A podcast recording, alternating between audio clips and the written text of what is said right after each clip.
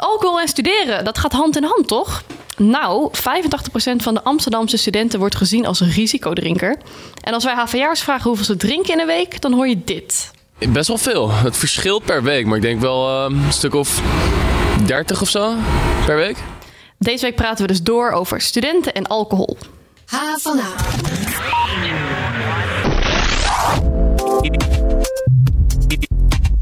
Ja, fijn dat je weer luistert naar onze podcast. We praten iedere week door over het nieuws op en rond de HVA. Mijn naam is Helene Gorris en tegenover mij zit Kiri Stuy. Hoi Kiri. Hallo. Bij ons aan tafel zijn vandaag aangeschoven oud-student Lois Bisschop. Zij heeft net een boek uitgebracht over haar alcoholverslaving en ook hoe je er vanaf komt. Lois, welkom dat je er bent. Hartstikke leuk. Ja. Um, jouw boek is net uit. Welk hoofdstuk vind je nou uh, het mooiste als je nu ernaar terugkijkt? Um, ik denk vanuit mijn laatste uh, uitgave toch wel de vijf jaar later. Dus dat ik beschrijf in één hoofdstuk hoe ik vijf jaar lang uh, nuchter ben gebleven. Ja, dat is, klinkt net heel knap. We gaan er zo uh, ook uitgebreider over hebben. Naast yes. jou zit Ronald Veen van de Studentensoos Aorta. Ronald, kun jij kort uitleggen wie jullie precies zijn? Wat is Aorta? Nou, wij zijn een groep studenten van Dr. Meurenhuis. En wij runnen met z'n negenen een kroeg samen in het uh, Dr. Meurenhuis zelf. Oké, en daar gaan we het uh, zo ook verder over hebben, over alcoholgebruik uh, op en rondom de Hogeschool van Amsterdam. Uh, het ging natuurlijk helemaal niet alleen maar over alcohol deze week. er gebeurde nog meer op de Hogeschool van Amsterdam, zoals de Minorenmarkt. In het Wieberthuis konden studenten bij allemaal kraampjes afgelopen woensdag informatie krijgen over de minoren van komend jaar. Dat zijn er maar liefst 100. Um, dan kun je wel wat advies gebruiken bij je keuze. Dus ik vroeg aan Japke Ebbingen, dat is een HVA-docent en een loopbaancoach, tips om de juiste keuze te maken. Zij vertelde dat het heel goed is om uit te proberen te vinden wat jouw persoonlijke waarden zijn. Nou, voorbeelden van persoonlijke waarden zijn bijvoorbeeld autonomie, vrijheid in je werktijden en ruimte voor creativiteit. En om achter die waarden te komen kun je jezelf de volgende twee vragen stellen. Wat wil je dat mensen op jouw begrafenis over jou zeggen? En wat zou je doen met een miljoen euro? Ronald, weet jij wat je zou doen met een miljoen euro? Nou, ik denk een leuke auto kopen. leuke auto kopen. Ja, ik, denk dat, ik denk dat meerdere HVA-studenten dat, uh, dat wel zullen zeggen. Uh, denk jij nu je dit hoort, ik zit helemaal uh, op de verkeerde plek met wat ik nu aan het doen ben. Dan hoef je niet meteen te gaan stoppen met je studie volgens Japke. Als je in het derde jaar van je bachelor zit, is het echt veel beter om die studie gewoon lekker af te maken. En dan bijvoorbeeld je stage of scriptie alvast te schrijven over een onderwerp waar je hart wel ligt. Uh, en heb jij de keuze voor de minor nou al gemaakt? Zorg dan ervoor dat je maandagochtend om 8 uur klaar zit achter je computer. Heel veel minoren zijn namelijk binnen de kortste keren vol. En de HVA die hanteert sinds dit jaar een digitale wachtrij. Dus wie het eerst komt, wie het eerst maalt, is het eigenlijk. En het is een beetje alsof je uh, voor je concertkaartje uh, in, de rij, in de rij staat. Dus, uh, gelijk even voor Lowlands kopen en gelijk een ticket voor je minor. En gelijk een ticket voor je minor, ja, zo gaat het. Hm. bijles krijgen zonder te praten. HVA-studenten Justin en Otis die ontwikkelden een nieuwe manier van huiswerkbegeleiding. Kiri, jij hebt met ze gesproken. Hoe zit dat precies? Ja, klopt. Het is best wel een grappig concept. Het komt er eigenlijk op neer dat je als student kan worden ingehuurd om naast een scholier te gaan studeren. Je hoeft dus niks uit te leggen, je hoeft niks te begeleiden. Het idee is dat als je zelf uh, gewoon lekker gefocust bent, dat die scholier jouw gedrag gaat uh, kopiëren. Wauw, nou van dat is werken. Uh, van werken gaan we naar niet werken. Want een groep van 50 HVA-docenten die stonden vrijdag op het Malieveld in plaats van voor de klas. Zij waren aan het staken omdat ze het gehad hebben met de bemoeienis van bovenaf en met de werkdruk. Uh, een van die docenten die vergelijkt het lesgeven tegenwoordig zelfs met fabriekswerk. En de HVA, dat is een werkgever, dus die steunde die staking niet. Zij zeiden voorafgaand aan de staking dat ze het problemen zoals werkdruk uh, wel herkennen, maar dat ze het staken niet het juiste middel vinden. En de docenten die vinden dat de reactie van de HVA helemaal voorbij gaat aan het gevoel wat veel docenten hebben. Want de werkdruk wordt steeds hoger en daardoor is er minder aandacht voor de student. Ronald, heb jij, krijg jij genoeg aandacht van jouw studenten op de ALO? Van jouw docenten moet ik zeggen? Nou, van mijn docenten wel. Ik heb echt uh, ontzettend goede docenten en daar ben ik heel blij mee. Oké, okay, um, wil jij meer nieuws lezen? Uh, kijk dan op onze website havana.nl. Waarom is dit onderwerp juist nu zo actueel? Maar zouden die HVA'ers niet ook boos moeten zijn? Uh, ja, eigenlijk wel. Ik vind het niet heel professioneel om mijn bestuursgenoot in de pers af te gaan vallen. Waarom gaat er zoveel geld naar jouw onderwijs? Nee, niet zoveel vragen hoor. Wil je niets missen van het nieuws en de verhalen van de campus? Schrijf je dan in voor de nieuwsbrief op havana.nl. Ja, een biertje drinken, dat hoort toch wel bij de studententijd. Uh, maar wat als het uit de hand loopt? Uh, nou, iemand die daarover mee kan praten is Lois Bisschop. Uh, Lois, na vier jaar terug op de HVA, hoe is ja. het om hier te zijn? Ja, uh, enerzijds ook wel heel erg leuk, maar anderzijds heeft het ook wel weer uh, herinneringen die uh, ook best wel pijnlijk zijn eigenlijk. Dus mm. een beetje dubbel. Bitterzoet. Bitterzoet, ja. Um, nou, laten we ten eerste even gaan luisteren naar, naar hoeveel HVA's eigenlijk drinken. Drink jij wel eens? Ja. Ja. ja. wanneer voor het laatst? echt letterlijk vier minuten geleden, denk ik. Ja. Um, ik heb gisteren, nou, ik denk een, uh, toch wel een biertje of tien op, uh, op een feestje aan het eind van de middag. Misschien vier wijntjes of zo per week. We hadden met z'n tweeën één fles wijn en allebei een flesje Jills. Best wel veel. Het verschilt per week, maar ik denk wel uh, een stuk of 30 of zo per week. Dan zou je volgens de norm wel een alcoholist zijn. Ja, maar ik, ik geloof erin dat als je nog een student bent, dat je geen alcoholist bent. Uh, nee, we maken zelf natuurlijk wel eens de grappen. Er is, er is een, een vandale definitie um, van de alcoholist. Ja, ik denk als je het op die manier bekijkt, dan drinkt bijna elke student te veel. Maar ik denk eigenlijk bijna elke jongvolwassene. Maar ik denk ook dat het komt omdat in de studententijd gaat voornamelijk ook mensen leren kennen en socializen vaak gepaard met een drankje erbij. Groepsdruk? Oh, nou, niet per se, gewoon dat je wat losser bent. Geniet, maar... Ja, dan is dat toch drink met mate. Met of zonder N. Dat, uh, dat verschilt dan per persoon. Ja, Lois, ik zag je al druk gebaren. Uh, als student kun je geen alcoholist ja. zijn. Ja. Waar dat dacht niet ik waar? ook. Nou ja, dat, natuurlijk is dat niet waar. Maar ik begrijp wel de opmerking. Het is heel grappig omdat ik dat ook dacht. Van uh, ik ben uh, student, ik ben uh, 28 toen de tijd. Van nou, dat is onmogelijk om alcoholist te zijn. Uh, maar dat uh, kan absoluut wel. Hm. Hoe is het bij jou ontstaan? Uh, nou, ik denk dat er meerdere factoren altijd belangrijk zijn bij, het, bij een ontwikkeling van een verslaving. Ik denk sowieso dat er bij mij biologisch, dus erfelijke factoren absoluut meespelen.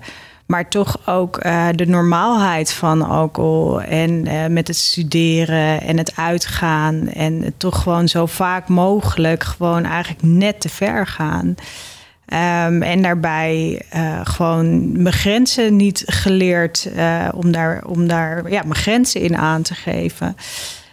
Um, ik denk dat er meerdere factoren dus zijn. Ja.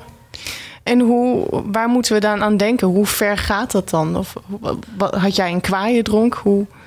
Nou, dat, dat verschilde. Want heel veel mensen denken ook dat je dan uh, elke dag moet drinken hè, om alcoholist te zijn. Dat is natuurlijk ook niet waar. Bij mij begon het zoals je, wat je net hoort. Al die verhalen van het moet toch kunnen en het hoort erbij.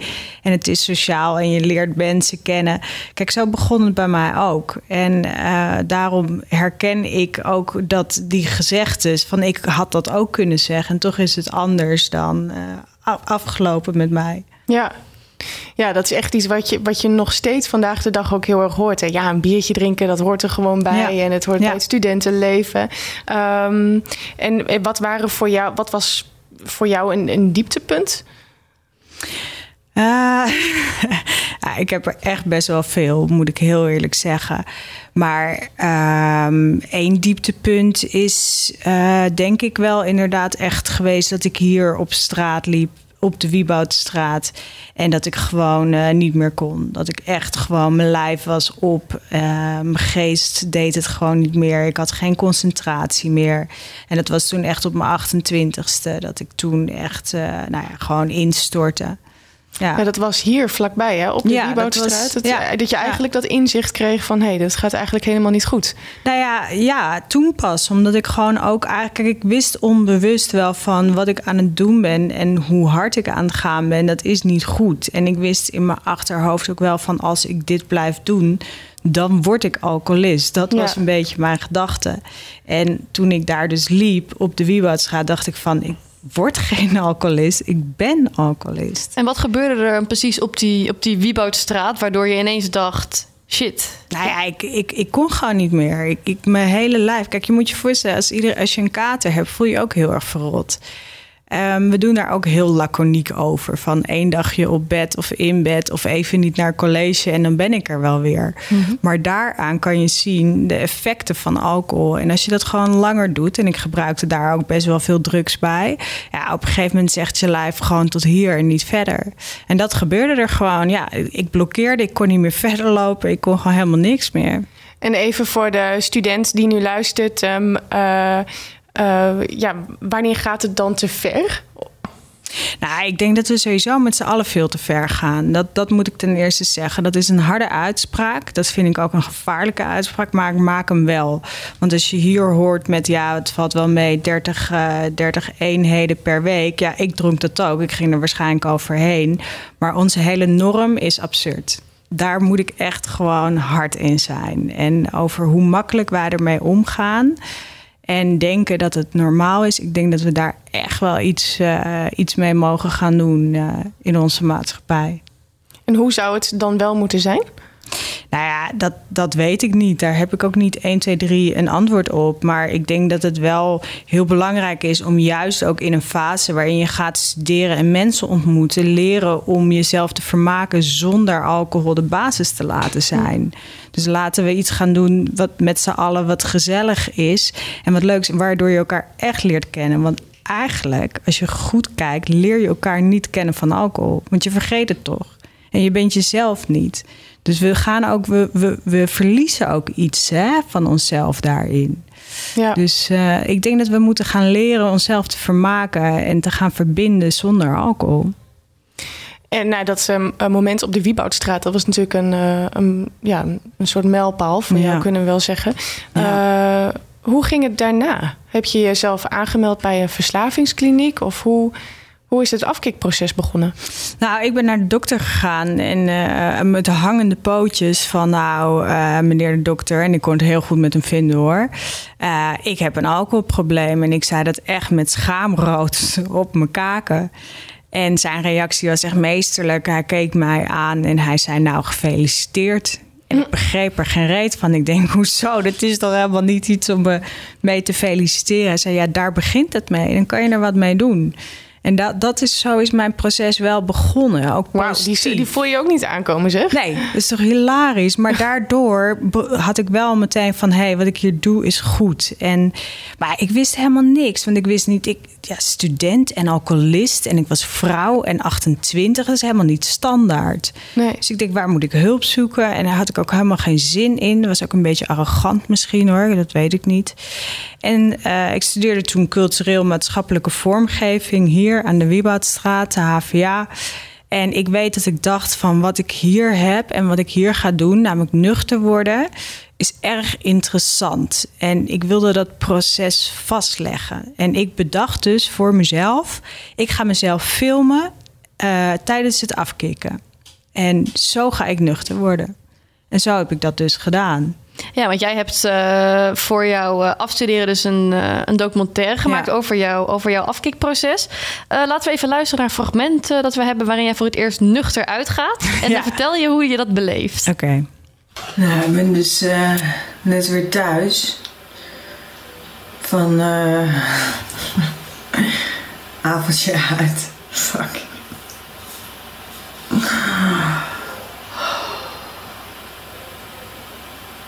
Maar het is echt niet leuk. Het is echt over.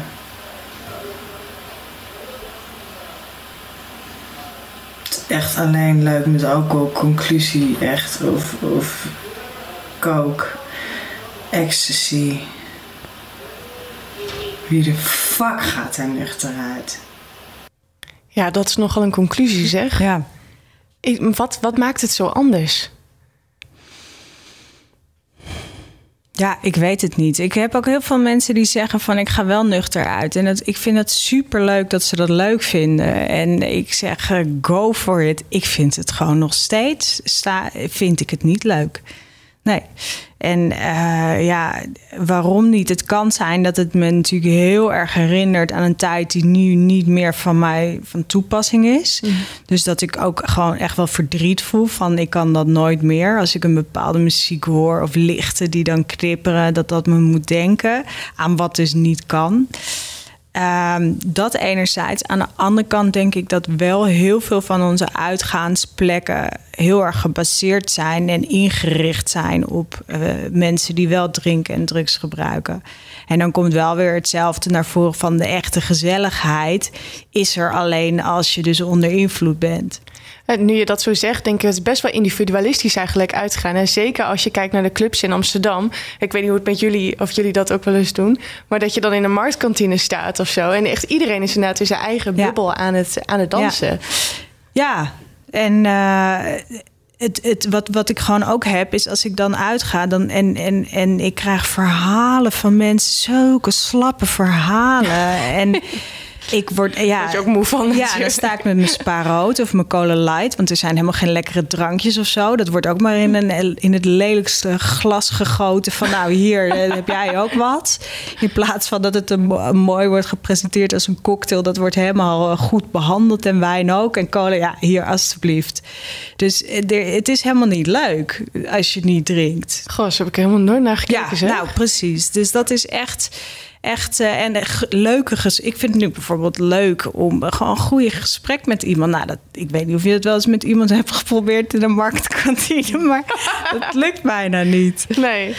Oh, en wat nog wel leuk is om te vertellen, wij hebben op uh, Instagram Story een, uh, een vraag gesteld naar in toeloop naar deze podcast. En die vraag was: zou jij nooit meer kunnen drinken? Ja. En nou, ik kijk er alleen naar, maar tot onze grote verrassing ja. gaf de meerderheid aan, 58% dat gewoon te kunnen. Ja, bullshit. Ga het maar eens doen. Ik geloof er, ik geloof er niks van. Ronald, maar, maar wat verklaart dit? Zijn deze studenten tegenwoordig zo gezond? Of... Nou, gezond zou ik misschien niet zeggen. Maar uh, ik denk dat uh, social media je wel heel bewust maakt van wat jij doet. Hm. Ik denk dat als jij jezelf terugkijkt op een filmpje af en toe, dat je denkt wel van wat de fuck heb ik nou weer gedaan. Dus ik denk dat dat misschien iemand bewuster kan maken. Maar ik denk dat 58% ik ga nooit meer drinken. Ik denk, ja, weet je, je hoeft niet per se te drinken om te feesten. Maar een drankje gewoon in de kroeg is ook gezellig. En ja, ik denk dat iedereen dat altijd, in ieder geval bijna altijd, nog wel zou blijven doen. Ja, jij zit in het, uh, in het bestuur, uh, Ronald, van die studentensoos uh, Aorta in het Dr. Meurenhuis. Ja. Um, dat is eigenlijk een van de weinige overgebleven studentenkroegen in een, in een HVA-gebouw. En je zit dus midden in het, nou, in het leven daar. Hoe, hoe ervaar jij het alcoholgebruik onder de studenten in de soos bij jullie? Ja, bij ons is het grootste doel gewoon gezelligheid. wij zijn natuurlijk ook gewoon de middag open en dan kunnen mensen gewoon bij ons een potje poelen. Maar ja, dan is de bar natuurlijk dicht. Dus bij ons komen mensen ook gewoon echt gewoon om te chillen met hun vrienden. Of als jij geen zin hebt om in de mediatheek te zitten, kom je bij ons in de Soos lekker studeren. En zo gaat het overdag. En vanaf vier uur gaat dan bij ons de bar open. Nou ja, en dan als mensen willen, kunnen ze na hun les kunnen ze, uh, langskomen om een drankje te doen. Weet je, maar het is bij ons allemaal vrijwillig. Het is, niks is verplicht. We zijn ook een stichting. Alles wat we doen is vrijwillig, ook qua barpersoneel. Dus het is gewoon, het is bij ons echt, het draait gewoon om de gezelligheid. Ja. En ik denk dat, dat wij dat heel goed, heel goed bereiken. Ja, want die gezelligheid die heb, uh, die heb ik ook wel gezien. Want Kiri en ik zijn uh, in december een keer op bezoek ge geweest bij jullie voor een, uh, voor een reportage. Um, gezellig, ja, maar er werd ook wel, er werd wel flink gedronken. Hoe, hoe letten jullie binnen de soos op elkaar dat dat niet uit de hand nou, loopt? ik ken denk ik zelf uh, meer dan de helft van de mensen die bij ons de kroeg gaan lopen. Want we zijn natuurlijk een superkleine faculteit. En als iemand zich gaat misdragen, of ik spreek hem aan, of iemand anders van mijn barpersoneel die spreekt hem aan, mm -hmm. of uh, het is een vriend van iemand die je kent en dan zo, zorg je dat hij zo wordt aangesproken. Het is bij ons, uh, ja, je wordt ook wel heel snel aangesproken. En als je in de school ga je echt zoveel minder snel misdragen, omdat je gewoon natuurlijk op school bent. Dus er is een soort van, er is best wel sociale controle ook bij jullie, ja. als ik het zo hoor. Zeker wel. Oké. Okay. Um, de sociale controle wel. Is, is de HVA, stellen die nog bepaalde regels of eisen aan jullie? Ja, omdat jullie wel hebben, onder hun dak zitten natuurlijk? Ja, natuurlijk. Weet je, wij zijn op de dinsdag zijn wij van 4 tot 8 open. Nou ja, en donderdag van 4 tot 9. En nou ja, we hebben gewoon heel goed contact met de school, met de beveiliging, met gebouwbeheer. En wij maken met hun afspraken. En dat is bijvoorbeeld pas om 4 uur uh, drinken. Vanaf 5 uur mag je pas een drankje mee naar buiten. Uh, we mogen geen meubilair buiten plaatsen. Want ja, weet je, dat laat iedereen zien van, yo, we zitten hier. Maar het is gewoon, ja, het is alleen voor onze faculteit. En dat is ook de bedoeling. En dat maakt het juist bij ons ook zo leuk. Want gewoon, je gaat met je klasgenoten, met mensen van de andere opleidingen. Zo kom je in contact. En zo maak je het heel leuk met z'n allen. Ja. En wat is dan uh, misdragen? Want je zei net van ja, als ze misdragen worden eruit gezet. Maar is het, Ja. is het ook bijvoorbeeld als je denkt van oeh, iemand die wordt echt dronken voor de zoveelste keer deze Nou, als week. iemand, dan ga ik een keer een nou ja, als wij iemand eh, flink dronken tegenkomen, dan, dan is het ook gewoon, dan geven ze dan geen drank meer. Weet je, dat zijn ook gewoon regels die je als barpersoneel hebt. Weet je, als je iemand te ver heen ziet, dan zorg je of dat ze vrienden naar huis gaan brengen. Nou, dat zeg je, je weet meestal wel wie elkaars vrienden zijn. Dus dat regel je. Of je, of je geeft geen drank meer en je laat hem even afkoelen. Daar zorgen we ook voor. Weet je, je zorgt gewoon voor je andere studenten. En ik vind dat dat gewoon hoort. Was die sociale controle er ook bij jou, Lois? Nee, ik ben ook een beetje. Ik zit ook echt geboeid te luisteren van eh, wauw, eh, dit kom je niet vaak tegen, om het zo maar te zeggen. En ook dat, eh, dat barpersoneel daar ook wat van zegt. En vooral dat je elkaar daarop aanspreekt. Ik ben toch wat meer gewend dat hoe meer, hoe beter. En we gaan met z'n allen naar de kloten. Ehm, dus ik denk, wat ik net hoor, denk ik dat dat wel heel positief is. Of dat echt zo is, dat weet ik natuurlijk niet. maar ik bedoel... Ah, je mag een is- keer langskomen Ja, om te ga komen ik kijken. zeker doen. Heb je ook cola? Oh ja, zeker. En Fanta. En we Je moet het wel een beetje mooi, mooi verpakken, hè? Mooi Wel even als een presenteren. cocktailtje. Nou ja, Zo. bij ons gaat alles jammer genoeg in plastic bekers. Oh, kijk. Maar ehm, eh, ja, dit, dit vind ik denk ik wel een uitzondering. En eh, klinkt ook gewoon wel echt goed. En het klinkt ook alsof dan het samenkomen en de gezelligheid belangrijker is dan de alcohol. En dat is wel ook wat ik zeg. Van dat zou toch wel fijn zijn als we daar een beetje wat meer naartoe kunnen gaan. Want bij mij was dat echt niet zo. Nee, dat was eh, andere cultuur, denk ik. En inderdaad veel minder sociale controle. En dan was het juist best wel tof als je je ging ge- misdragen. Ja, want tijdens ons interview weet ik nog dat wij gezellig in de eh Wieboudkantine hier zaten. En naar jouw verhaal keek ik opeens uit op Café Vest. Ja. De studentenkroeg. Als je hier eh, nou, eh, drie stappen uit, uit school komt... dan Ja. sta je bij wijze van spreken al met je mond aan, een, aan een glas bier aan de bar daar. En ik weet nog dat ik dacht...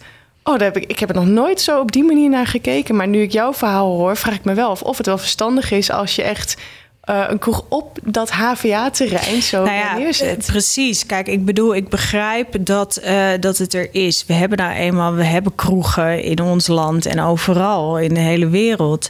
En plekken waar je kan drinken. Het is wel zo dat je eh, door het toch te laten zien en het neerzet. En is het natuurlijk wel iets wat je eigenlijk dus niet eens gedoogt, maar gewoon goedkeurt en ook aanspoort.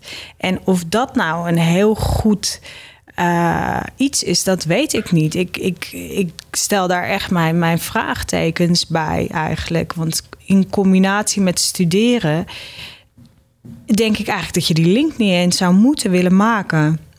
Nou zijn er ook, eh, jij zegt nu inderdaad, nou ik, ik weet helemaal niet of je dat moet, moet faciliteren. Nou zijn er zelfs ehm, ook plannen voor een eh, kroeg op het eh, nieuwe terrein straks van de Freilemaborg. Of in ieder geval een soort van à la fest ontmoetingsplek. Wat, eh Ronald, als ik even, even naar jou kan gaan. Je hebt nu het verhaal van, van Lois ook gehoord. Ehm, wat denk je daarvan? Vind je dat een goed idee of, of denk je daar nu anders over? Nou, ik denk op zich dat het een goed idee is. Maar ja, ik denk wel dat het zorgt dat er afspraken zijn. Als je het bijvoorbeeld in de faculteit doet, zoals wij dat ook hebben, zorg gewoon dat je hele duidelijke afspraken hebt met je school, met de beveiliging, met eh, alles eh, op en eraan. Want daarmee kan je dingen reguleren. En ik denk dat als je het op die manier doet, dat je veel verder komt dan als je een aparte kroeg bent, zeg maar naast een school. Want die zijn vrij, die maakt het niet heel veel uit wat er gebeurt. En bij ons maakt het wel zeker uit, want het heeft bij ons heel veel invloed op eh, ons team en op ons kroeg. Mhm. Dus ik denk dat het daarom juist, misschien juist wel beter is dat het wel in de school is, omdat er gewoon veel meer controle daarop is. Ja, en hoe, ehm, want er zijn nu denk ik ook wel luisteraars en misschien ook wel studenten die eh, nu denken, nou, bij mij loopt het misschien ook wel uit de hand. Ik heb, kan ook wel een probleem hebben. Eh, Lois, wat, wat adviseer jij studenten te doen die eh, vermoeden dat ze ook een alcoholprobleem zouden kunnen hebben? Nou, ten eerste moeten we echt af van de gedachte wat een alcoholist is. Dat is het allerbelangrijkste. Het is niet inderdaad een man die in het park ligt. Het is gewoon een reëel iets en het kan. Ik zou zeggen, ga naar je huisarts en uh, lees mijn boek. Duidelijk. En um, kun je er als omgeving nog uh, iemand op aanspreken, bijvoorbeeld? Of, uh...